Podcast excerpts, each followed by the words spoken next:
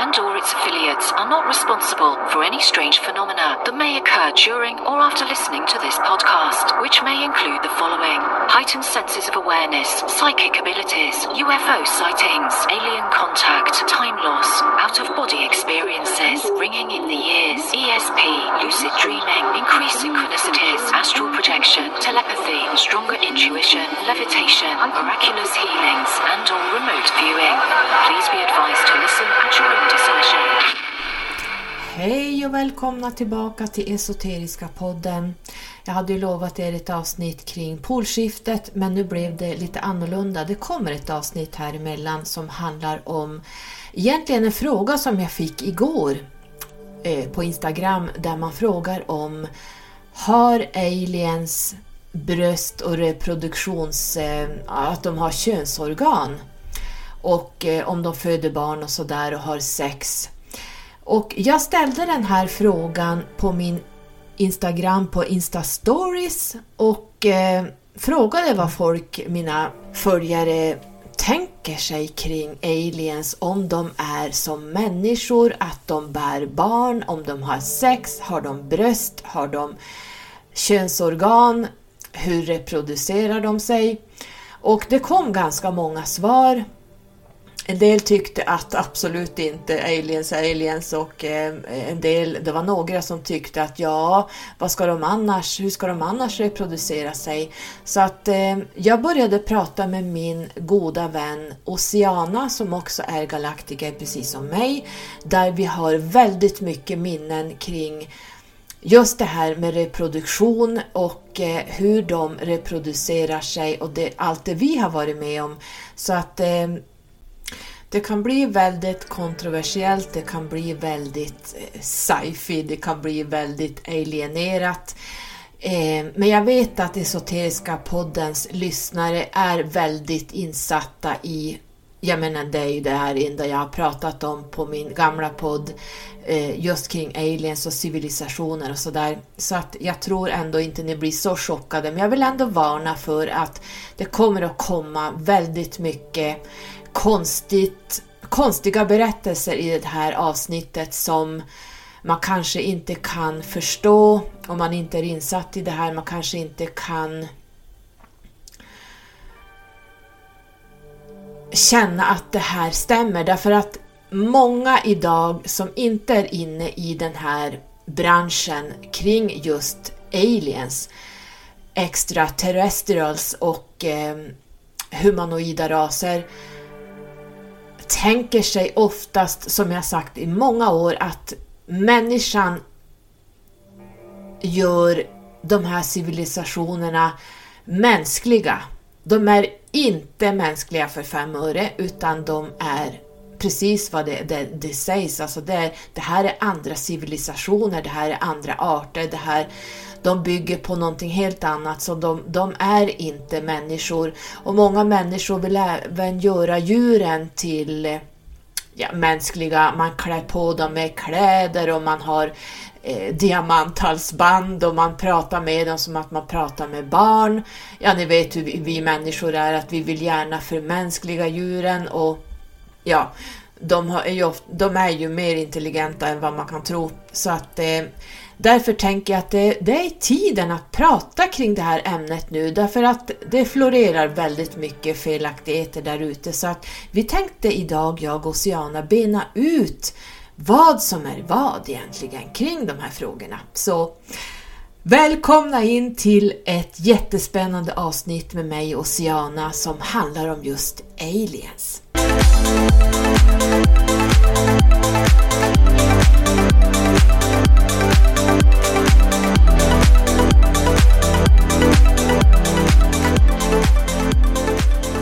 Idag ska vi prata om något väldigt spännande, väldigt kontroversiellt, väldigt sci-fi. Och jag har bjudit in Oceana idag. Hej Oceana och välkommen tillbaka till den här nya podden, för där, här har du aldrig varit tidigare. Men vi känner ju varandra sedan tidigare. Ja, hej hej, kul att vara med. Eh, jag ska faktiskt också berätta att du är ganska sjuk idag. Du är väldigt förkyld, ja. du är hostig och febrig och du går på Alvedon och Ipren för att orka vara med här. Jag tackar dig så mycket för att du orkade ställa upp. Ja, det gör jag så gärna Carola, det vet du. så att, låter hon lite whiskyröst så vet ni varför. Mm.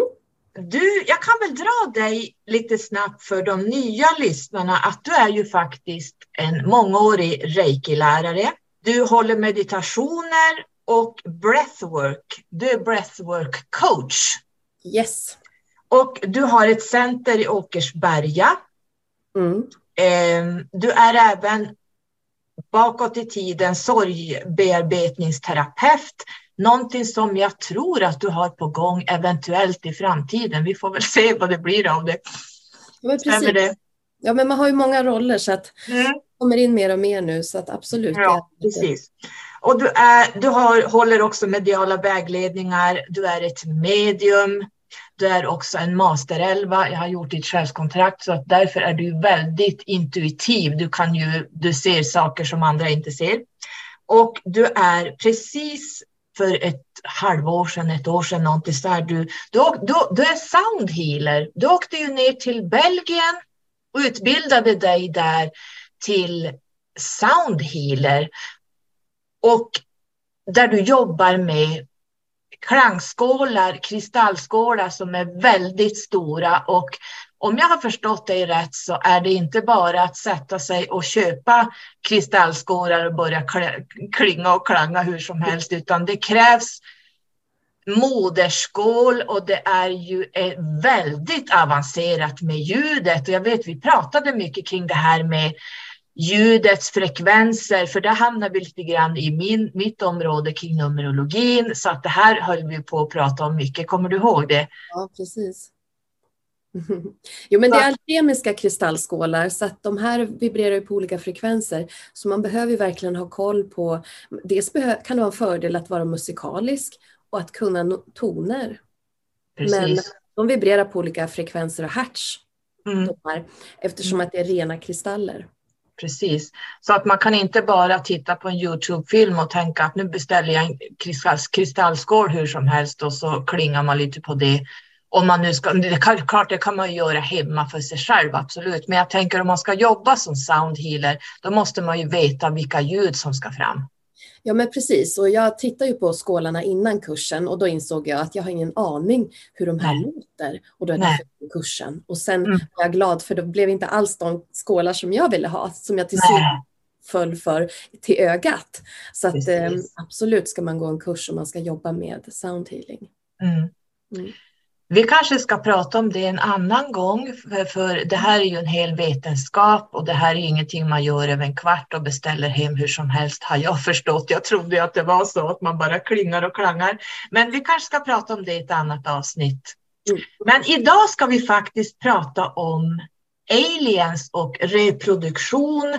Vi ska prata om blodgrupper, vi får se var vi hamnar någonstans. Mm.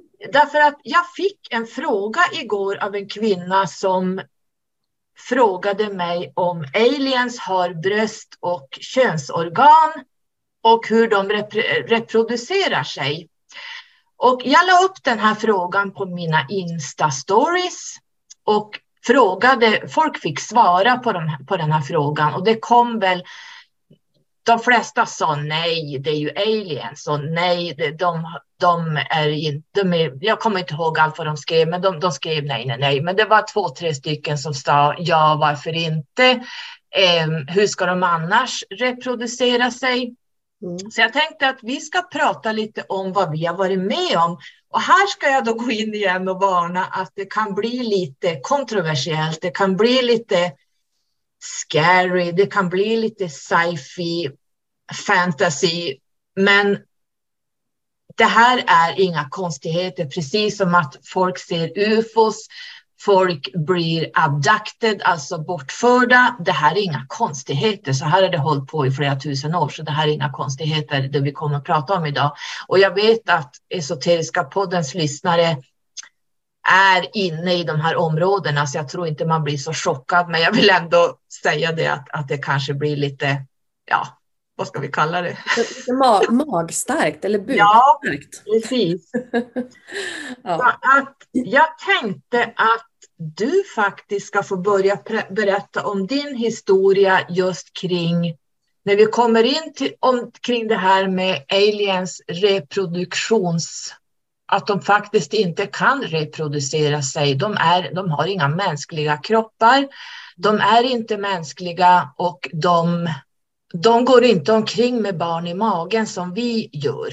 Därför vi tillhör djur, djuren lite grann. Vi är ganska, människan är ganska djurisk. Så jag tänkte att du kan ju börja berätta mm. din historia, hur du upplevde det här med att de använder oss till just reproduktion. Ja. Um, det här med aliens har ju inte varit alltför eh, okänt för mig. Jag har vuxit upp med aliens sedan jag var tonåring. Eh, det kommer med min pappa. Så för mig har det varit en naturlig del.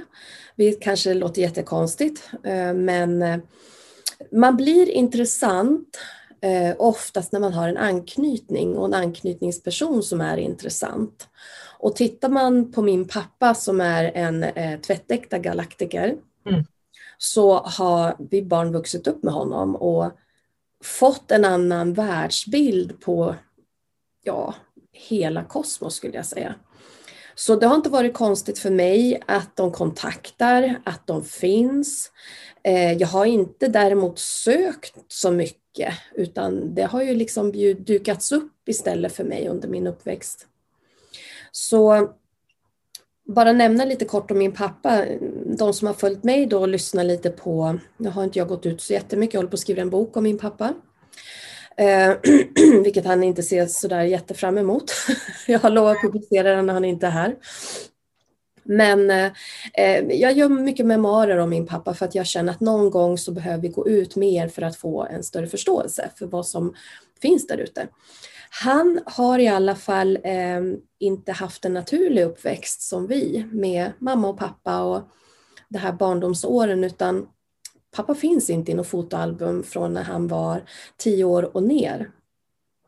Och eh, tro vad man vill, men eh, enligt han själv så kom han hit i ett skepp.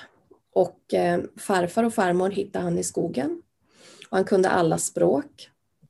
Ehm, som han är bekymrad över att han har tappat, väldigt många språk genom åren. Men han eh, har alltid varit väldigt accepterande att han skulle vara här, att han skulle komma hit. Eh, han kom hit från ett krig. Eh, han kom ner eh, till undsättning. Eh, de var ganska många barn på 50-talet som, eller barn och barn, humanoida raser som kom hit. Och ehm, med det här så har ju pappa varit bortförd ganska mycket. Han har också galaktiska minnen av bortföranden och i andra dimensioner har han eh, haft väldigt mycket ehm, Eh, vad ska man säga, adduction då, att han, man har använt honom, man har plockat honom och så. Um, och då tänker jag att jag blir inte helt ointressant som är hans dotter, som har hans gener, hans DNA, uh, eh, som har hans blod. Vi har exakt samma blod, jag och pappa. Uh, och han har ju alltid haft ett extra öga till mig för han, uh, och det kan jag förstå idag varför han har varit väldigt Eh, varse om vart jag är någonstans, att jag inte har försvunnit. Han kan ringa upp och ha panik ibland och undra vart jag har tagit vägen. Han undrar om det är jag verkligen i telefonen och lite så. Så där har jag vuxit upp med honom. Så när jag fick min första mens, när jag, blev alltså, när jag gick från flicka till kvinna, om man säger så, man brukar säga att man blir kvinna när man får sin menstruation, och började utveckla den här puberteten och allting, så kände jag att jag var mer iakttagen mer iakttagen på nätterna. Eh, jag kunde höra röster när jag skulle gå och lägga mig. Jag kunde höra att jag var inte ensam. Pappa ringde mer frekvent och kollade hur det var med mig. På den här tiden pratade inte jag och han på det här sättet, men han har alltid varit väldigt överbeskyddande. Eh, en natt kommer jag ihåg, jag tror jag var på min tredje eller fjärde menstruation av mina första menstruationer, så fick jag alltså ett besök. Och där står de tre eller fyra stycken vid sängen och eh, plockar någonting ur buken på mig med ett instrument. Och jag minns att det gjorde fruktansvärt ont och jag var paralyserad, kunde inte röra mig, kunde inte säga någonting, kunde inte skrika, men jag skrek inombords för det gjorde så fruktansvärt ont. Ehm, och när jag skrek inombords så kände jag hur jag blev bedövad på något sätt. Men inte på ett sätt att jag inte var, inte var medveten, utan jag var fortfarande medveten, men jag kände att jag blev bedövad och mera paralyserad. Ehm, det var första mötet med just, om man tittar på reproduktionsteknikerna, där jag förstod att de tar någonting från mig. Jag hört kan, kan du bara berätta, för jag vet att du har minnen för lyssnarna, berätta för lyssnarna hur det här röret såg ut. Mm. De ser alltid likadana ut, det har inte hänt så mycket på 20-30 år. Nej. Rören ser ut som en lång ståldildo. Mm. Eller en, som, en, som en flaska, smal, som en, ett rör nästan. Som ett rör med en sån ja. nästan som en liten cylinder. Cylinder, precis. Ja. Mm. Och i den här cylindern så sticker det ut en nål, ser ut ja. nästan som en fiskkrok mm. längst fram. Och den här nålen den borrar de ner eh, och den är flexibel så den, den, den rör sig de här två bladen som fälls ut längst fram. Och den för de in som en slags inseminationsinstrument. Och när de för ner den så har de, det är som digital teknik ovanpå i den här cylindern då. Och där eh, vet jag att de på något vis eh, fångar upp ägg och plockar ut ägg genom röret. Så att röret kommer aldrig ut i fria rymden utan, utan den går direkt in i röret så det blir väldigt sterilt. Man mm. skjuter också in någon vätska innan. Och eh, även finns det vätska i röret som gör att de här äggen inte skadas. Så det är alltså ägg som man plockar ur. Och det är inte bara en, ett instrument utan det står två till, till med andra instickningsstavar eh, eller vad man säger. Och det här är, tror jag, om man har sett sådana här eh, operationer, titthålsoperationer, så mm. liknar det lite så. Det är ett mm. samarbete där de går in. Precis vad jag tänker på. Ja. Mm. så det är ett samarbete där två står och håller, någon lyser, någon, någon har kamera, mm. mm. att de ser och en plockar ut. Så jag tror att de är tre. Det har alltid varit runt tre, fyra mm. stycken. Det gör fruktansvärt ont. Du blöder kopiösa mängder efteråt. Du tror att du har fått en, ett missfall. På den här tiden hade jag inte ens en sexuell debut, utan men jag blödde som om jag skulle ha fått ett missfall. Smärtan är fruktansvärd. Du har ont i flera dagar, du har ont precis när de också är precis klar. Så att du, du vaknar med smärtan, du har smärtan under paralysen, du vaknar och har smärta. Och den är nästan sådär så att du måste vrida dig, alltså du kan inte röra dig. Så då, den är inte så human den här eh, tekniken, den är ganska grov. Eh, lite sadistiskt tycker jag. Det, det, känns verkligen som att man inte lägger ner så mycket tid och engagemang på själva tillvägagångssättet utan att man ska bara hämta någonting. I princip. Mm. Mm. Upplever du att du har varit gravid någon gång? Ja men det gör jag. Och när jag var yngre så plockade man ju mycket ägg från mig och det här var ju väldigt ofta de kom och plockade ägg. Um, och det var ju ingen att prata med och kunde inte gå till en barnmorska heller och prata om det. Men man har plockat ägg genom åren tills att jag kom upp och fick mina egna första barn, där jag hade alltså hållit mina egna barn. Min dotter är född 06. Så från att jag själv hade varit mamma så kunde jag sen, jag märkte att det blev en förändring kring de här besöken. Så från att först ha varit plockad ägg på så blir man helt plötsligt någon form av behållare. Ehm, och det är väl att man är kvalificerad för det, skulle jag tro. Och senaste gången var det strax efter att jag födde min son. Jag tror ett år ungefär efter hans födsel. Ehm, då vet jag att man inseminerade mig en natt och det gick väldigt snabbt så jag skulle tro en två veckor efter så var jag påtagligt gravid på riktigt. Ehm, jag, magen växte, den svällde väldigt, blev väldigt hård snabbt. Jag fick bröstmjölk. Och jag visste att jag var gravid. Men jag hade ju inte haft fysiskt umgänge så att säga. Jag var mm. mm. nyförlösen tidigare och mm. det året vet jag att man har inte så mycket lust. Man har inte så mycket lust när man är nyförlöst. Det kan gå upp till ett år innan man har sex igen. Det där kommer jag själv ihåg. Så att det kan jag känna att nej, man har ganska mycket avhållsamhet efter en, en förlossning. Och jag tänkte det är ganska traumatiskt. Och... Ja, det är det verkligen. Ja. Och så jag känner att jag kanske, jag börjar ifrågasätta om jag var skengravid eller om jag ja. skulle haft något sånt, för man vill ju alltid hitta en naturlig förklaring. Hade Men, du spänningar i brösten som man får? Absolut, hade alla ja, graviditet. hade alla Men jag visste att jag var gravid och jag visste det för att jag kom ihåg dem och jag är ju vaken när de kommer. Så att mm. Eh, jag kommer ihåg när de kom och hämtade även embryot. Mm. Och när de hämtade embryot så försvann alla symptom. Så det går mm. väldigt snabbt, till skillnad från när man har en naturlig graviditet så tar det ju flera månader innan man börjar få något tecken på graviditeten.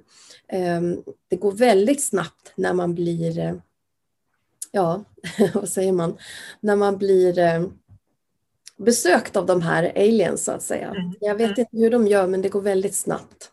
Och det är väl tanken också att det ska gå snabbt. Mm. Jag har ju också varit, för mig har de, jag har ju ungefär samma historia fast jag har ingen förälder som är galaktiker men jag själv är det. Och jag har ju precis som du haft Sirians hos mig sedan barnsben men jag förstod ju inte då, för mig var ju det här normalt. Mm. Men jag hade, ja, nu kommer jag inte ihåg vilken ålder, men på den, jag är ju ganska lång, eller ganska lång, allt är ju relativt, men jag är 1,76 lång och vägde väl på den tiden runt 56-58 kilo, så det var ju bara skinn och ben. Och jag upplevde ju precis det här du säger, att de är och rör. Man ser dem stå vid sängen och det här, det här har hänt mig ganska nyligen, för något ett, ett, två år sedan, så har ju Sofie, våran galaktiska syster Sofie, ge oss visdom. Hon eh, har ju hjälpt mig att plocka bort, för att jag vaknade ju en natt att det stod tre de har stått vid fötterna och stoppat in en massa implantat i fötterna. Jag blödde när jag vaknade på morgonen. Det var blod på lakanet. Det gjorde så fruktansvärt ont och man är paralyserad, man kan inte skrika. Och jag såg det stod tre stycken vid sängkanten där och det var typen grey, small greys, alltså de mindre grå, de är ju mer robotar om man säger. Och sen så finns det Zetas då som är eh, Zeta Reticuli, de är tall greys och de är galaxens, man kan kalla dem för vetenskapsmän. Och de här kan inte reproducera sig. Nej. Det går inte. Så att jag vid den här tiden när jag var så här smal så började min mage växa och bli ganska svullen och stor. Jag hade spänningar i brösten och sen upplever jag på, på natten precis det du beskriver liknande att de plockar ur någonting från min livmoder. Mm. Och sen får jag sådana enorma blödningar, alltså missfallsblödningar. Och jag hade ju haft koll, jag hade ju haft mens i många år. Och man kan ju sin menstruation. Mm. Hur den funkar, hur mycket man blöder ungefär, bla bla bla. Så att, och jag hade ju ingen pojkvän vid den här tiden. Nej, det behövs inte. Nej. Nej, och jag tänker det här värdbarn. Mm, mm. Hur tänker du där?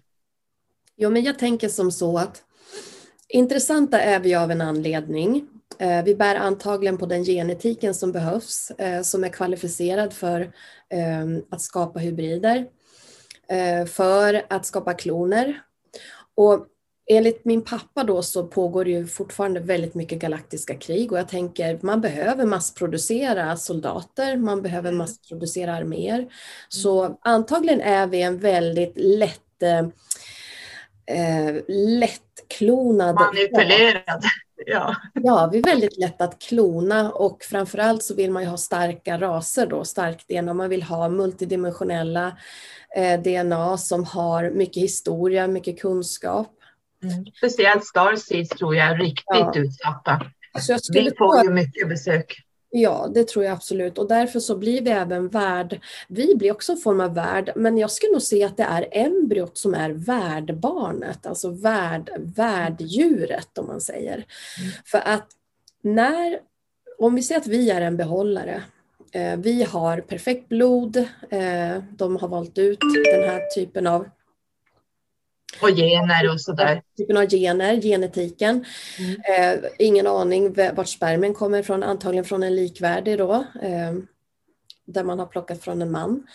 Och så sätter man ihop det här då till i, i våra ägg och det som händer när embryot omvandlas under de här veckorna är att man tar hand om embryot som blir värddjuret för att sen i labb klona vidare på det här. Och det här den här världen som man säger som de skapar kloner på eh, dör ju så småningom. Eh, jag tror att jag får till mig att den kanske klonar upp till en, några hundratal, sen behöver man byta ut för den dör ut den här. Man plockar alltså hela tiden saker från det här embryot då i, klonen, kloningen. Och det är lättare att göra så, det blir starkare raser om man gör så än att man skulle ta en klon. Förstå vad ineffektivt det skulle bli om vi tog en klon, en klon. Utan man, man plockar ut ett embryo som blir värden och mm. sen så i labb så klonar man på det embryot. Mm, så jag ser det nästan som att vi är, vi är eh, grundarna till det här värld får man mm. säga djur? För vi är nog klassade som djur skulle jag tro. Ja, det är vi absolut. Vi är ju ganska djuriska. Vi håller på med sex, vi håller på med reproduktion, vi har hormoner som styr det här att vi får lust att ha sex, speciellt männen då. Mm. Eh, kvinnor kanske inte är lika kåta om vi säger så, men det, det finns ju naturligtvis. Men eh, eh, jag tänker att människan är väldigt djurisk. Eh, de här kan ju, alltså om man säger så här, jag kan döda den myten på en gång. Den här frågan jag fick igår att aliens har inte bröst. Mm. Aliens har inte könsorgan. De, lig, de står inte och kysser varandra och har förälskelserelationer och liksom ska flytta ihop och skaffa barn eh, som vi gör och bär den här barnen i magen. För att det är ett mänskligt perspektiv och många människor ser både djur och andra civilisationer från ett mänskligt perspektiv. De, inte ens Syrians reproducerar sig så här, utan de lägger någon form av ägg. Mm.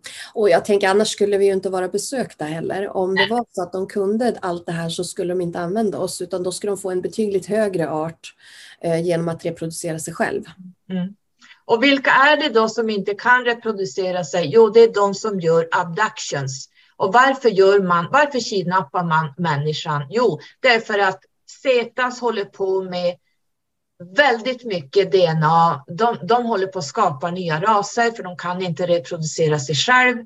Eh, det finns liksom sånt som vi inte förstår, det de håller på med. De håller, det, det här pratar ju Corey Good om och det är jag väldigt glad över att han var ju frontfigur på Gaia TV för många år sedan. Men när jag, upp, när jag upplevde allt det här jag pratar om så jag är glad att jag har egna minnen och egna erfarenheter. För att när jag hittade Corey så berättar han saker som jag redan har varit med om. Och då mm. fick jag en bekräftelse på att, för man tänker, jag är knäpp i huvudet. Alltså. Och så är det så här, och det är ju miljontals människor som blir bortförda. Det är miljontals människor som har, de blir, det försvinner tid, eh, det försvinner, man kan bli återinsatt med byxorna aviga och bak och fram och du har ingen minne vad som har hänt. Och sen kan de nämligen gå in och antingen radera de ditt minne. De kan ersätta ditt minne därför att när det gäller män som blir, man måste ju ta spermier också. Ja. Från män. Och då kan man ersätta det här minnet med att man genomgår någon form av sexuell akt med någon. Det här kan de liksom manipulera. Du har minnen av att du har sex med en alien eller en vanlig kvinna, whatever. Mm. Men aliens har inte sex, det finns inte på världskartan. Så att eh, de ersätter, de kan ersätta med att du ser en uggla, att det är det du minns eller att du ser ett annat djur. Så att det är många som har samma berättelser. Att, men jag, jag, många av oss har ju fragmentminnen, att vi, vi ser dem och man kan även gå in i regression och gå in. Det är många som har gått ner i djupa regressioner av att de känner att det är någonting jag har varit med om, men jag får inte ihop vad det är som har hänt. Och sen under en djup regression så rullas allt ut, vad de har varit med om. Det här blir ju väldigt traumatiskt. Mm. Jag tänker att jag kommer ju alltid ihåg mina mm. incidenter. Mm. Så att, ja, jag med. Jag tror att man väljer eh, manipulation efter person. Um, ja, så att på något vis så går det inte, jag, jag kan inte manipuleras på samma sätt. Jag mm. tänker att män, jag behöver inte manipuleras för att, att göra paralysering. Um, det kan man göra i alla fall att paralysera oss, eh, att plocka någonting kan man göra då eh, mot min vilja. Men om man tittar på män framförallt som behöver få en utlösning, det måste ju ske en kemisk reaktion. Där kan jag tänka mig att manipulationen är viktig. Att mm. de skapar det här visualiserandet för att mannen ska eh, i princip få den här kemiska reaktionen. Att kunna mm. Utlösning. Mm. Utlösningen ska ske. Jag tror inte att ja man kan plocka mm. direkt ur pungen utan det är någonting som måste komma till genom upphetsning och mm, passion. Mm, mm, så att när du berättar om den här mannen så får jag direkt in att en manipulation är mer viktig för det manliga könsorganet än det kvinnliga. Mm. Ja. Jag håller helt med dig. Och eh, om man pratar raserna som sådan. Mm. Till exempel, vi har ju många alienraser som rör sig i våra solsystem och i våran galax. Och de som jag ser som, som har interag de som interagerar med människan, det är ju de som har haft kontakt med jorden på ett eller annat sätt. I de här galaktiska krigen, eh, det, här, det pågår ju krig fortfarande, men jag tänker plejaderna är ju ganska lik människan. Mm. Eh, de är ju på den lägsta densiteten av aliens. Alltså de är, det beror på hur man ser. En del tycker att människan är väldigt avancerad och det är vi ju för sig. Men börjar man titta på Sirians, då börjar man förstå när man träffar de här riktigt 24D, 24 dimensionen Sirians och 9D. Alltså det, det är ju någonting som man, man, man måste vara i tillstånd för att förstå vad, vad de är. Men, men plejaderna, de är ju väldigt lik människan. Mm. Men de reproducerar sig ju inte heller, inte som människor. Nej, och jag tror många gånger att de speglar sig i oss eller att de visar upp sig för oss som oss. För att vi ska med våran hjärna kunna ta in eh, att det är dem så känns det som att de blir en projektor på något vis. Mm. Eh, de speglar sig som oss för att vi är ändå någon form av eh, avbildad humanoid ras av plejaderna. Och när du säger lägre så menar inte vi att det är sämre, det är mer Nej. De är, de är närmare människan, lägre densitet, för vi är på tredje dimensionen, de, ja. de tillhör fjärde. Mm. Så att de har inte den hö, högre utvecklingen. Om du jämför med Sirians på 9-10D, 24D, där pratar vi om någonting helt, det är någon helt annan. Så det kan man ju inte ens som människa förklara vad de är. Verkligen. Nej, men så att ju närmre oss så håller jag med dig om att det är lägre. Och framförallt det här att jag tror att vi, eller att vi speglar oss i dem, det blir någon form av samspel. Mm. Hur vi tolkar varandra. För att många raser kommer ju med eh, ett, ett, mm, vad ska man säga, eh, får det hjälpa, hologram. hologram. Mm. Mm. Eh, för att Visst, det finns fysiska världar runt våran dimension upp och ner, men framförallt så, så kommer de nog i någon form av hologram. Eh, och där kommer all information. Vad vet vi vad som står bakom hologrammet? Vad vet vi när en individ? Är det på individnivå eller är det ett medvetande jag kommunicerar med? Eh, det här har jag själv funderat ganska mycket på. Jag har träffat någon liknande ras som liknar plejaderna. De har inte mm. sagt vad de var, skulle tro att det är en nordic eller en plejad. Eller tall whites. De är väldigt vita och väldigt, eh, väldigt kritvita. De har knallblå ögon, oftast har de kritvit hår. Eh, det är tall whites och de, till, de har ju de har gått över till den mörka sidan i de här federationerna kan man säga, de har svikit de här good, the good guys. Mm. Så tall whites ska man inte pyssla med. Det har ju skett väldigt mycket med raserna, framförallt de mm. senaste åren. Ingenting är ju som man läser eller har läst tidigare artiklar så gäller inte de längre, utan nej, man måste förstå att evolutionen pågår även utanför. Absolut. Så att de här konstils och allt det här förändras efter eh, vad de ligger på för negativ positiv frekvens. Precis. Så att, mm, det är spännande. Um, det var något mer jag tänkte. Jo, sen tror jag människan blir lite manipulerad av alla de här grafikerna som gör grafiska bilder på hur aliens ser ut. Därför att när du ska göra, jag är ju grafiker så jag vet ju hur man gör. Man, man tar en bild på en man till exempel. Och sen kan du i Photoshop börja lägga på lager på lager på lager. Du kan ändra ansiktsfärger, du kan fixa till ansiktsformer, du kan liksom plocka bort hår, du kan göra sneda ögon. Det man missar när man skapar det hur en alienras ska se ut, till exempel vi hittar på en plejad, det är att man gör dem som att de har bröst. Mm. Och då missar man det här för att man har egentligen ingen aning utan man, man sitter där och inbillar sig. Man, där ser man att det blir lite fejk därför att plejader har inte bröst. De har inte en vagina och en snopp utan de, de har inte de plejader jag har träffat. De ser inte ut så, men det är som jag ser det. Så att jag tror många tror att man förmänskligar de här aliens för att det finns grafiker där ute som framställer dem som en människa och så ändrar man bara lite hudfärg och gör lite sneda ögon men låter brösten vara kvar och du förstår. Mm. Det är inte riktigt alltid så det ser ut. Eller det ser inte ut så.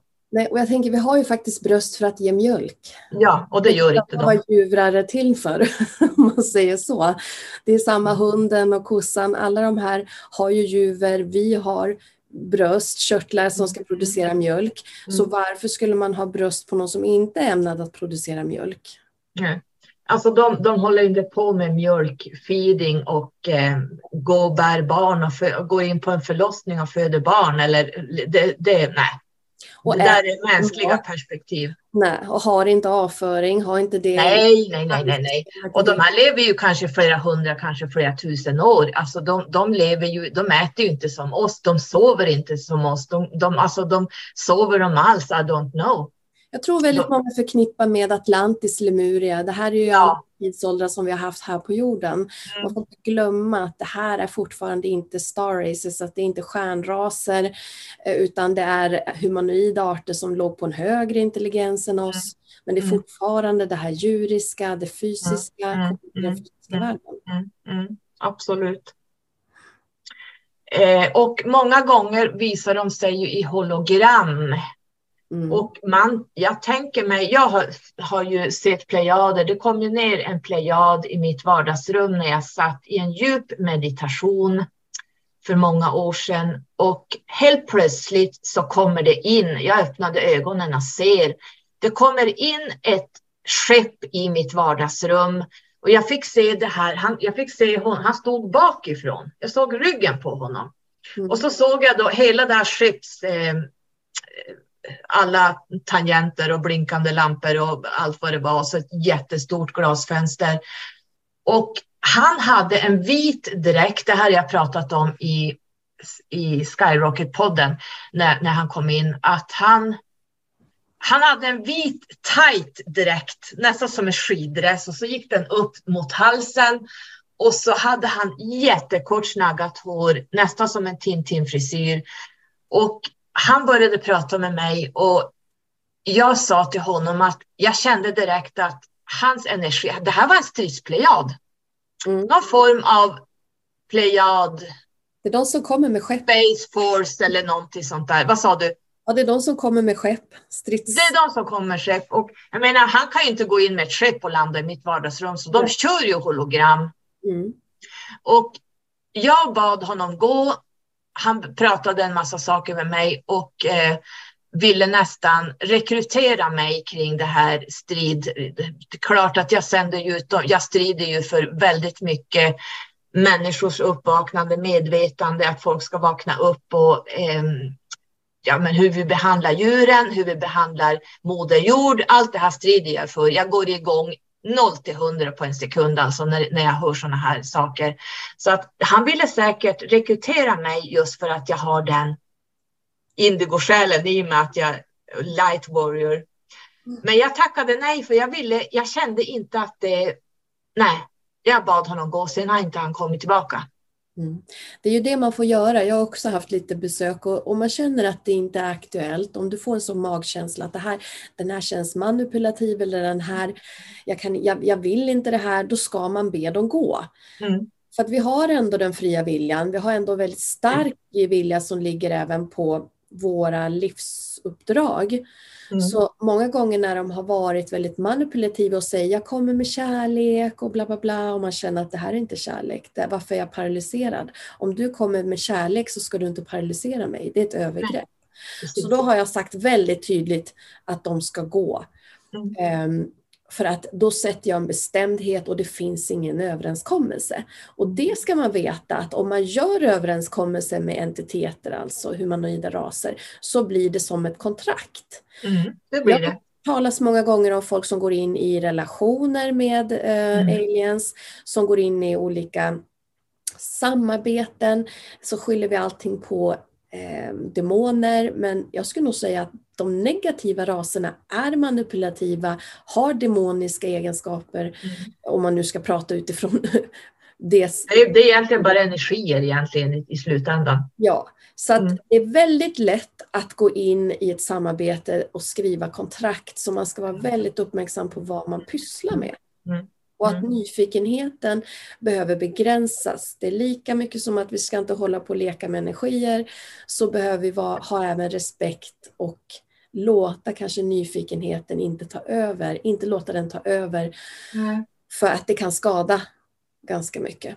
Sen är alla, alla, jag tror också så här att, ursäkta var du klar, jag avbröt dig. Nej, jag bara tänkte att jag jobbar mycket med klienter som fastnar i som de här överenskommelserna och det kan bli riktigt helsike att komma ur dem för att man har en gång gått med på det. Mm. Just saying. Ja, det, det är ju elände. Jo, det, det, var det här med Starseeds. Därför att Starseeds, nu pratar vi galaktiker som är nere här, till exempel som du och jag. Mm. Eh, vi bär på väldigt mycket information i vårat DNA. Yeah. Och därför är vi extra intressanta att redan från barn börja bevaka.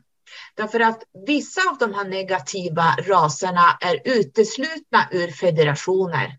De får inte vara med överhuvudtaget. Så var kan man då hämta information? Jo, från vårat DNA som sitter på den här informationen. Mm. Så att eh, därför gäller det verkligen att stålsätta sig. Och jag vet att när man är paralyserad, det har jag varit många gånger när de håller på med mig och sett, de har plockat in, satt implantat och Sofie får jobb, har fått jobba ganska hårt och plocka ut alla de här implantaten som de har satt in på mig i tårna, i fötterna, de har satt in i axeln, de har satt in bakom örat. Eh, så tack och lov har vi Sofie som kan plocka ur det här. Men grejen är att eh, jag minns att de stod vid sängen nu sist här, då höll de på i mina tår och, och jag blödde ju hur mycket som helst från tårna. Mm. Och då är man paralyserad och man kan inte prata men du kan använda ditt mind. För de kan ju prata med dig telepatiskt, det är det de gör. Mm. Och jag sa någonting om att de skulle lämna mig i fred. Jag var så för, vet jag blir förbannad, jag blir inte rädd. Det är det som är grejen. Jag blir fruktansvärt arg. Jag var så arg så att ni ska veta det jag skickade ut. Och den här Gray som stod där sa bara någonting att det är snart över, det är snart över. Vi behöver det här, det är snart över. Det var det enda han, han eller hon sa. Mm. Och jag var så arg. Jag slogs med mitt mind. Alltså, det var ju helt galet. Det, oftast upplever jag att Grace är ju bara på uppdrag. Alltså, de är, bara, de är bara arbets, arbetsrobotar. Så att ibland kan man faktiskt hitta lite empati hos dem. En liten mm. empati. Mm. Att, att mm. de, de, är, de är där i tjänst helt enkelt. Ja, Det är de. Och jag tror vi i våran tur, våra embryon och våra foster som de tar från oss, det, vi blir ju också arbetsdjur mm. Att delta i det här galaktiska kriget. Absolut. Och då kommer vi till någonting som är väldigt intressant och det är våra blodgrupper och DNA. Mm. Därför att, får jag säga det högt vad vi har för blodgrupp? Jag kan ju säga min, men får jag säga din? Absolut. Du har blodgrupp A. Yes. Och det har jag med. Och din pappa är en A. Mm. Och A, om man tittar, eh, nu går vi in på väldigt många tusen år tillbaka så att allting startade med ljudet när vi pratar om kabbalan, vi pratar numerologi, heliometri, så ett A kommer från ett ljud A. Och det här, det här kallas för alfa. Det här är en, allt som är ett A är en alfa. Och jag har fått veta att det handlar om royal blood. Men inte det blåa blodet, det reptilblodet. Man måste skilja på alfablod och blått blod. Mm. Och den, den här A-blodgruppen en, enligt eh, numerologin, heliogeometrin, kabbalan, det här A är Alep, det är andningen. Allting börjar med ett andetag. Och när vi kommer ut från vår mamma, då tar vi ett andetag och vi slutar andas då går vi tillbaka någonstans. Beroende på vars vi ska. Eh, så att A är en alfa, en etta. Det är en start av någonting. Det är det mest kraftfulla numret och bokstaven och ljudet som finns. Det är A. Så att alla som har blodgrupp A är väldigt utsatta för att plocka DNA för att i vårt blod finns det väldigt mycket information. Mm. Mm. Resten är hybrider. Så från en A-blodgrupp så skapas det hybrider. Eh, ju mer vi reproducerar oss så blir det utmattat blodet. Så att min son, jag tror han har AB, där kommer kanske, jag vet inte vad hans pappa har, om han är B-blodgrupp. Så att då fick han A från mig och B från pappan till exempel. Sen kan man ju få A och minus, eh, eh, noll negativt, man har RH. Och nollan är ju också väldigt intressant i det här därför att nollan är det kosmiska ägget, det är ännu högre upp. Det, nollan är källan. Mm. Så de som har noll någonstans i sin blodgrupp är ju väldigt avancerat eh, blod. Mm. Men resten tänker jag är hybridblod eftersom det blir uttunnat med människo, människo, mer människo DNA, blod. Jag vet inte hur jag ska förklara det här. Det här låter säkert ingen som förstår vad jag säger. Jag hänger Men, med. Ja. Jag tänker också att blodet tillhör ju även den fysiska kroppen. Mm. Och vi är nog, det är nog redan förutbestämt vad vi ska ha för blod i inkarnationen. Absolut. För att jag får till mig att varför man plockar är dels den genetiska DNA, DNA har vi även i blodet, men mm. framförallt att det finns ett syfte att jag ska ha det här blodet. Eh, mm. Jag är ämnad för någonting. Om man säger jag är ämnad för många saker här, mina livsuppdrag. Jag är också ämnad för eh, en form av eh, allians eller mm. om man ska vara krig, krigarroll eller vad man ska inta för position. Så att ja, ibland undrar jag om vi är ämnade även här för att klona eller för att ta rasen vidare. Mm. För jag tänker så här, det, alltså de som har blodgrupp A är mest sjuka också. Ja. Och det beror på att vi har inte mänsklig, vi är inte gjorda för att vara här nere. Så därför gör naturen det, DNA gör att kroppen försöker hela tiden lappa ihop saker och ting och förbättra så att ju mer årtusenden går så börjar det, kroppen skapa starkare mänskliga försvar. Så därför kommer B in och eh, noll negativt och RH, bla bla bla. Och det tror jag är kroppens försvar mot allt som finns här nere i formen av sjukdomar, virus, bakterier. Att människan genom årtionden ska klara av den fysiska kroppen och inte bli så sjuk som A-gruppen blir. Därför att A-gruppen är inte ett mänskligt DNA. A-blodgruppen kommer från galaktiskt och vi är inte gjorda, med vårt DNA är vi egentligen inte gjorda för att vandra på jorden för att vi tillhör inte jorden. Och det stärker också min konspiration, om man får säga det, mm. Eh, att våra kloner är inte gjorda för den här dimensionen. Nej. Så att någon annanstans tar man de här. Ja, absolut. Och jag mm. skulle tro att vi även eh, sett samman ägget och spermien med andra mm, nivåer så att säga. Jag tror inte att det behöver vara en jordlig spermie. Eh, man tittar på de här graviditeterna som går mycket snabbare så skulle jag nog kunna tro att de, den här spermien kan komma från en annan form av fysisk art men i, i kanske en annan vibration. Så det är inte säkert att det behöver vara två mänskliga, två Homo sapiens ägg och sperm. Nej då, absolut det inte. Jag det tror, nej, absolut. En annorlunda graviditet. Mm.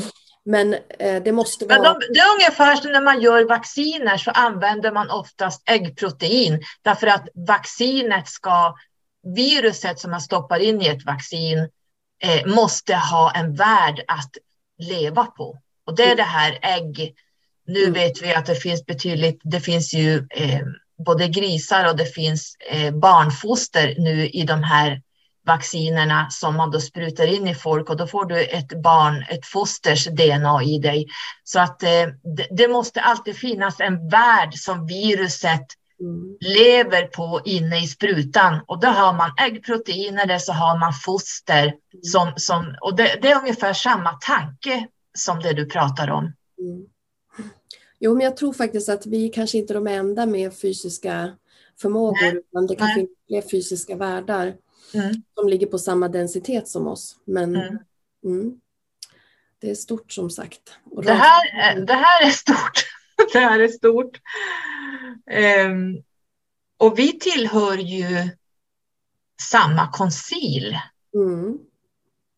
Vi har ju minnen från samma koncil där vi sitter vid det här bordet där vi väljer när vi ska gå ner.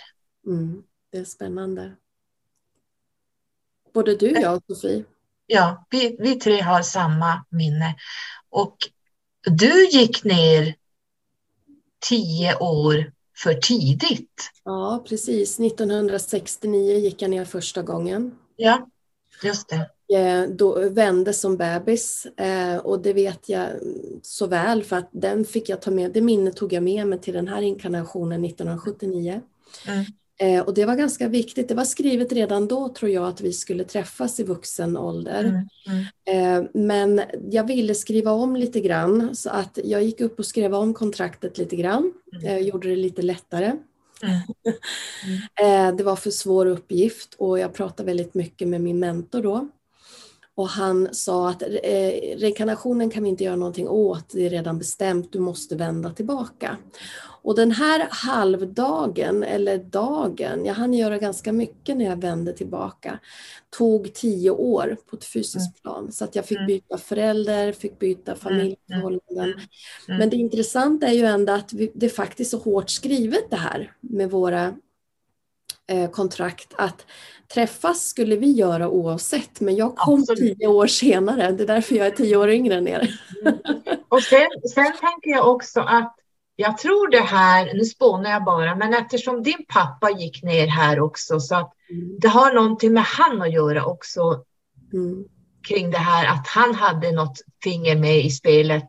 Mm. Att du skulle någonstans gå in, att det skulle passa i tiden och allt sånt här. Mm just med hans, när han landade här så att säga. Mm. Jo, han har haft många kvinnor så att mm. det gäller att hitta en värld där också. Mm. mm. Nu låter våra datorer här hela tiden. Men du, hade vi någonting mer vi skulle prata kring det här hade du någonting mer du ville säga kring din pappa? Han är ju jättehäftig. Ja. Han är min idol brukar jag säga. Jag vill säga att det kommer en bok, eh, men eh, jag har absolut ingen tid på den. Utan mm. när tiden är redo, eller när världen är redo skulle jag nog säga, så kommer jag publicera den. Jag känner att det måste, vi måste utvecklas lite till. Det mm. måste komma fler fram än bara jag. Jag tror inte vi är så många, men vi är några som behöver skriva mm. och berätta om de här förhållandena. Det finns mm. så mycket missförstånd, det finns så mycket myter kring det här med aliens. Mm. Jag tycker man läser var och varannan dag. Därför läser jag i princip ingenting. Um, utan det måste man ta inifrån sig själv och mm. som Starseed har du allting inom dig själv. Du, du har en öppen kanal till, eh, du, är, du har ditt bibliotek helt enkelt. Absolut. Så att mm, det ska bli spännande att få eh, Eh, framförallt slå hål på lite myter. Mm. Det är jätteviktigt därför att det pågår väldigt mycket okunniga som gärna vill hålla på med det här ämnet och det blir så fel därför att allt det vi ser på internet och Youtube och Instagram, det är antaganden, det är att man vill gärna... Eh, ja, men det är många som lyssnar på mig och sen gör man egna historier av mina historier som jag pratat om i flera år och det här tycker jag inte om för att det blir fel. Det blir kopiat av allting så att eh, Förstår du hur jag menar? Så att det är väldigt viktigt att vi kommer ut med våra upplevelser och eh, att aliens inte håller på med sex. De har inga bröst, de har inget könsorgan, de föder inte barn, de ligger inte med varann, utan det här är minnen, implantat. Det, här är, det de gör är att de tar ägg, de kan även sätta in så att du blir gravid några veckor och sen tar de ut ett embryo för att det, det är bara embryot de vill ha. Mm. Så att vi dödar den myten att, att aliens ser ut som människor och har bröst och eh, håller på med våldtäkter och allt vad det kan vara, sexuella aktiviteter. Det är någonting de i sådana fall skapar ett falskt minne. Mm. Mm. För att de ska kunna genomföra vissa saker. Mm. Och alla de här eh, bortförandena handlar ju om information. Absolut. Så är det inte då eh, att de ska klona så är det ju information. Pappa har de ju tagit otaliga gånger. Ja. I många olika dimensioner men framförallt ja. det man gör att man plockar ut minnen mm. och eh, man även förstör för då individen eh, mm. minnena. Så att mm. nu är ju han dryga 70 93, min pappa. Och ja, jag märker ju att han säger det själv att många områden kommer han inte längre ihåg. Men om han sitter väldigt länge så kan han hämta tillbaka. Men han, han känner ju att han är manipulerad eh, och att han är, blir, blir mer och mer nedsläckt. Mm. För det är ju så, tar man någonting från, tar man ut någonting så, så blir det ju ett hål. Mm. De plockar minnen och det här pratar Corey Good om mycket också. Mm. Eh, de använder någonting som heter Midlab. Mm. Där han har varit. Han var ju borta. Man ska köpa hans eh, video eller bok eller vad det han har gjort som heter 20 and back. Där han blev bortförd under 20 år. Och jobb, fick jobba med eh, olika alienraser där och man manipulerade ju på honom. Det var, han, han gick ju in i det här labbet, han fick se hur man hade människor där, man hade ja, det de höll på med där, jag vill inte ens säga det högt. Mm. Han var ju väldigt traumatiserad hur det såg ut i det här midlab. Mm. Men eh, det, det, är så det går till faktiskt. Mm. Och din pappa har ju väldigt mycket minnen kring de galaktiska krigen också så att Amen. det är ju klockrent och det här har han pratat om innan ens Corey Good fanns. Eller, så att det, det är ju hans berättelse och du har ju intervjuat honom tack och lov. Ja, jag har spelat in honom men som sagt det baseras ju på boken som kommer ut sen så att jag ska försöka samla ihop det här. Det, det är mycket. Det är mycket och så tiden att få tiden till att räcka till. och att få ihop det till någonting som man kan känna att folk har nytta av. För att mm. Man vill knyta säcken och det är en oändlig historia som finns. Det är, mm. det är verkligen det är oändligt stort. Uh, hur ska man kunna återge flera tidslinjer på, mm. i, i, en bok? Så att mm. man, får, man får hitta ett sätt helt enkelt. Mm. mm. Men Corey Good och um, pappa känner jag står mig väldigt nära just för att Corey Good har jag träffat genom dig Carola. Mm. Och att du har nämnt honom är för att du tycker han låter som min pappa. Så vi har han gör ju det. Är de samma person? Who knows? Ja, men de pratar om samma saker. Det är bara det ja. din pappa är typ 30-40 år äldre än vad Corey är. Så ja. att det, jag får ihop hans historia och min egen historia. För det jag upplevde innan jag hittade Corey, det var att jag fick feedback på det jag har varit med om och det jag har sett, alla alienraser jag har träffat. Mm. Det bara rullades ut och så din pappa på det här som har berättat det här flera år före Corey. Så att det liksom, det blir en check, check, check. Ja men precis, och det kanske är det rådet vi ska ge lyssnarna att gå in först och se vart kan du hitta dina check? Eh, vart känner du är sant? Än att mm. man dammsuger nätet och Prov på allt som basuneras ut. Ja. Era texter och till slut så blir det liksom samma eh, samma, samma sanning som rullas ut som är falsk. Ja, precis. precis. Så leta inåt om du känner att du har eh, någonting som du bär på. Sirians brukar säga att människan är väldigt lätt manipulerad. Vi tror på allt som basuneras ut. Vi tror på nyheter. Vi tror på allting vi ser. Mm. Vi tänker inte efter och eh, djupdyker i de här kaninhålen och börjar faktiskt lägga ihop två, två, tre och tre och blanda ihop det här med våra egna minnen och erfarenheter och börja titta. Nej, men det här stämmer ju inte. Men jag tror också folk är ute efter solskenshistorier. Man ja och bli känd. Man vill bara tala om att det är kärlek alla aliens kommer med. Och det är liksom ja, det änglakonceptet. Ja, och vi vet att det inte är så. Nej, det är verkligen inte så. Bara att ta fram midlab så vet man att det är inte så. Ja, och sen tror jag att eh, änglar har ju varit kristendomens då, änglar och änglakonceptet. Eh, men det fanns ju inga änglar före kristendomen, varken i Babylonentiden, i forna Grekland, i eh, Egypten, bland alla indianstammar, flera tusen år, aboriginer. Det har aldrig funnits änglar, så det föd, de föddes med, med kristendomen och Bibeln. Men det man har sett, Bibeln är ju skriven efter Anunnaki och de eh, babylonska texterna och eh, de som var här då och skapade grundmänniskan Sen så har Syrien haft ett litet finger med i spelet där för att ge oss lite mer intelligens. Och eh, det är ett annat avsnitt, det kan ta hur länge som helst att prata med det, men jag drar bara lite snabbt. Det här med änglar, jag känner att det har alltid varit aliens. Mm. Därför att om man tittar på Syrien som håller till på den 24 dimensionen till exempel. De är väldigt svåra att nå, men lyckas man nå dem, då kan de se ut som ljusvarelser. Mm. De är i princip genomskinliga. Mm. Jo, men så är det ju. Det blir ju mindre fysiskt ju högre upp. Mm. Och sen så tänker jag det här att aliens idag har ersatt änglakonceptet, att, att aliens läker och aliens de har en egen agenda, de som rör sig i våra solsystem. Det är inte Syrien som åker omkring här, utan det är de lägre. De har en agenda med oss. Och då ska man kanske, är man inte stark nog eh, och nog medveten, kanske man ska passa sig för att de kan manipulera dig till vad som helst och säga att de är en ängel, att de är, vill dig gott. Och så är det inte så.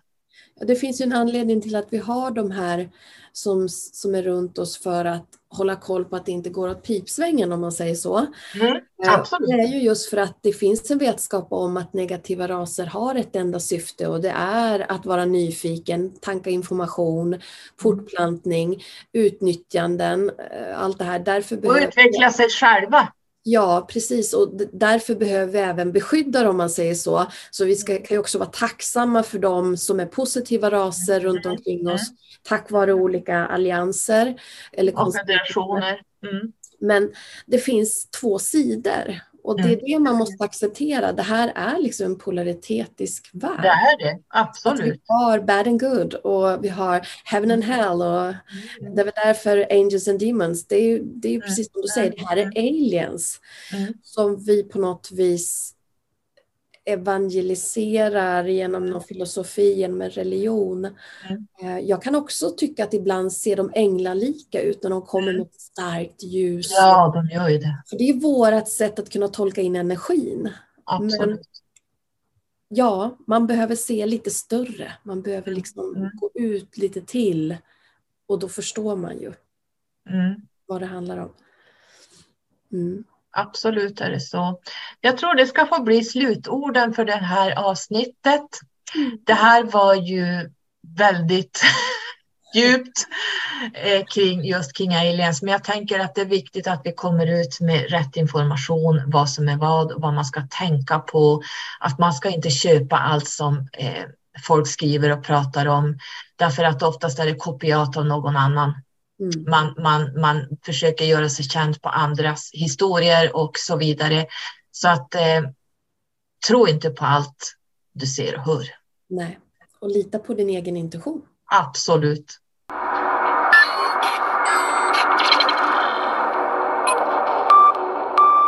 Man har gjort med världskartorna eller med stjärnkartorna, hur man har sprängt vissa planeter för att manipulera hela systemet, hela stjärn Stargate eller vad man säger. Eh, vi har ju en karta i kosmos också, hur alla planeter står, hur alla stjärnor står. Och det här är också saker som manipuleras och som han har försökt bekämpa. Sabotage till exempel. Där man har förvirrat eh, navigeringarna för vissa skepp. Um, hur man har saboterat kartor, hur man har sprängt planeter. Konfidentiellt tänker jag. Eftersom pappa varit överste befäl så satt ju han såklart på konfidentiell information. Alltså stängd information som han inte får prata om. Och hela tiden säger han, vänta nu, hur ska jag säga det här? Vänta nu, hur ska jag förklara, kunna förklara det här? Alltså hur ska han kunna vända det till ett mänskligt perspektiv? Och det är så intressant. För han funderar alltså hur jag ska uppfatta det. Inte vad han ska säga utan hur jag ska kunna uppfatta det. Och enligt pappa så kan man ju faktiskt bli dödad av det. Och han sa ju det, jag har lovat dem att inte berätta något för annars kommer de släcka ner mig.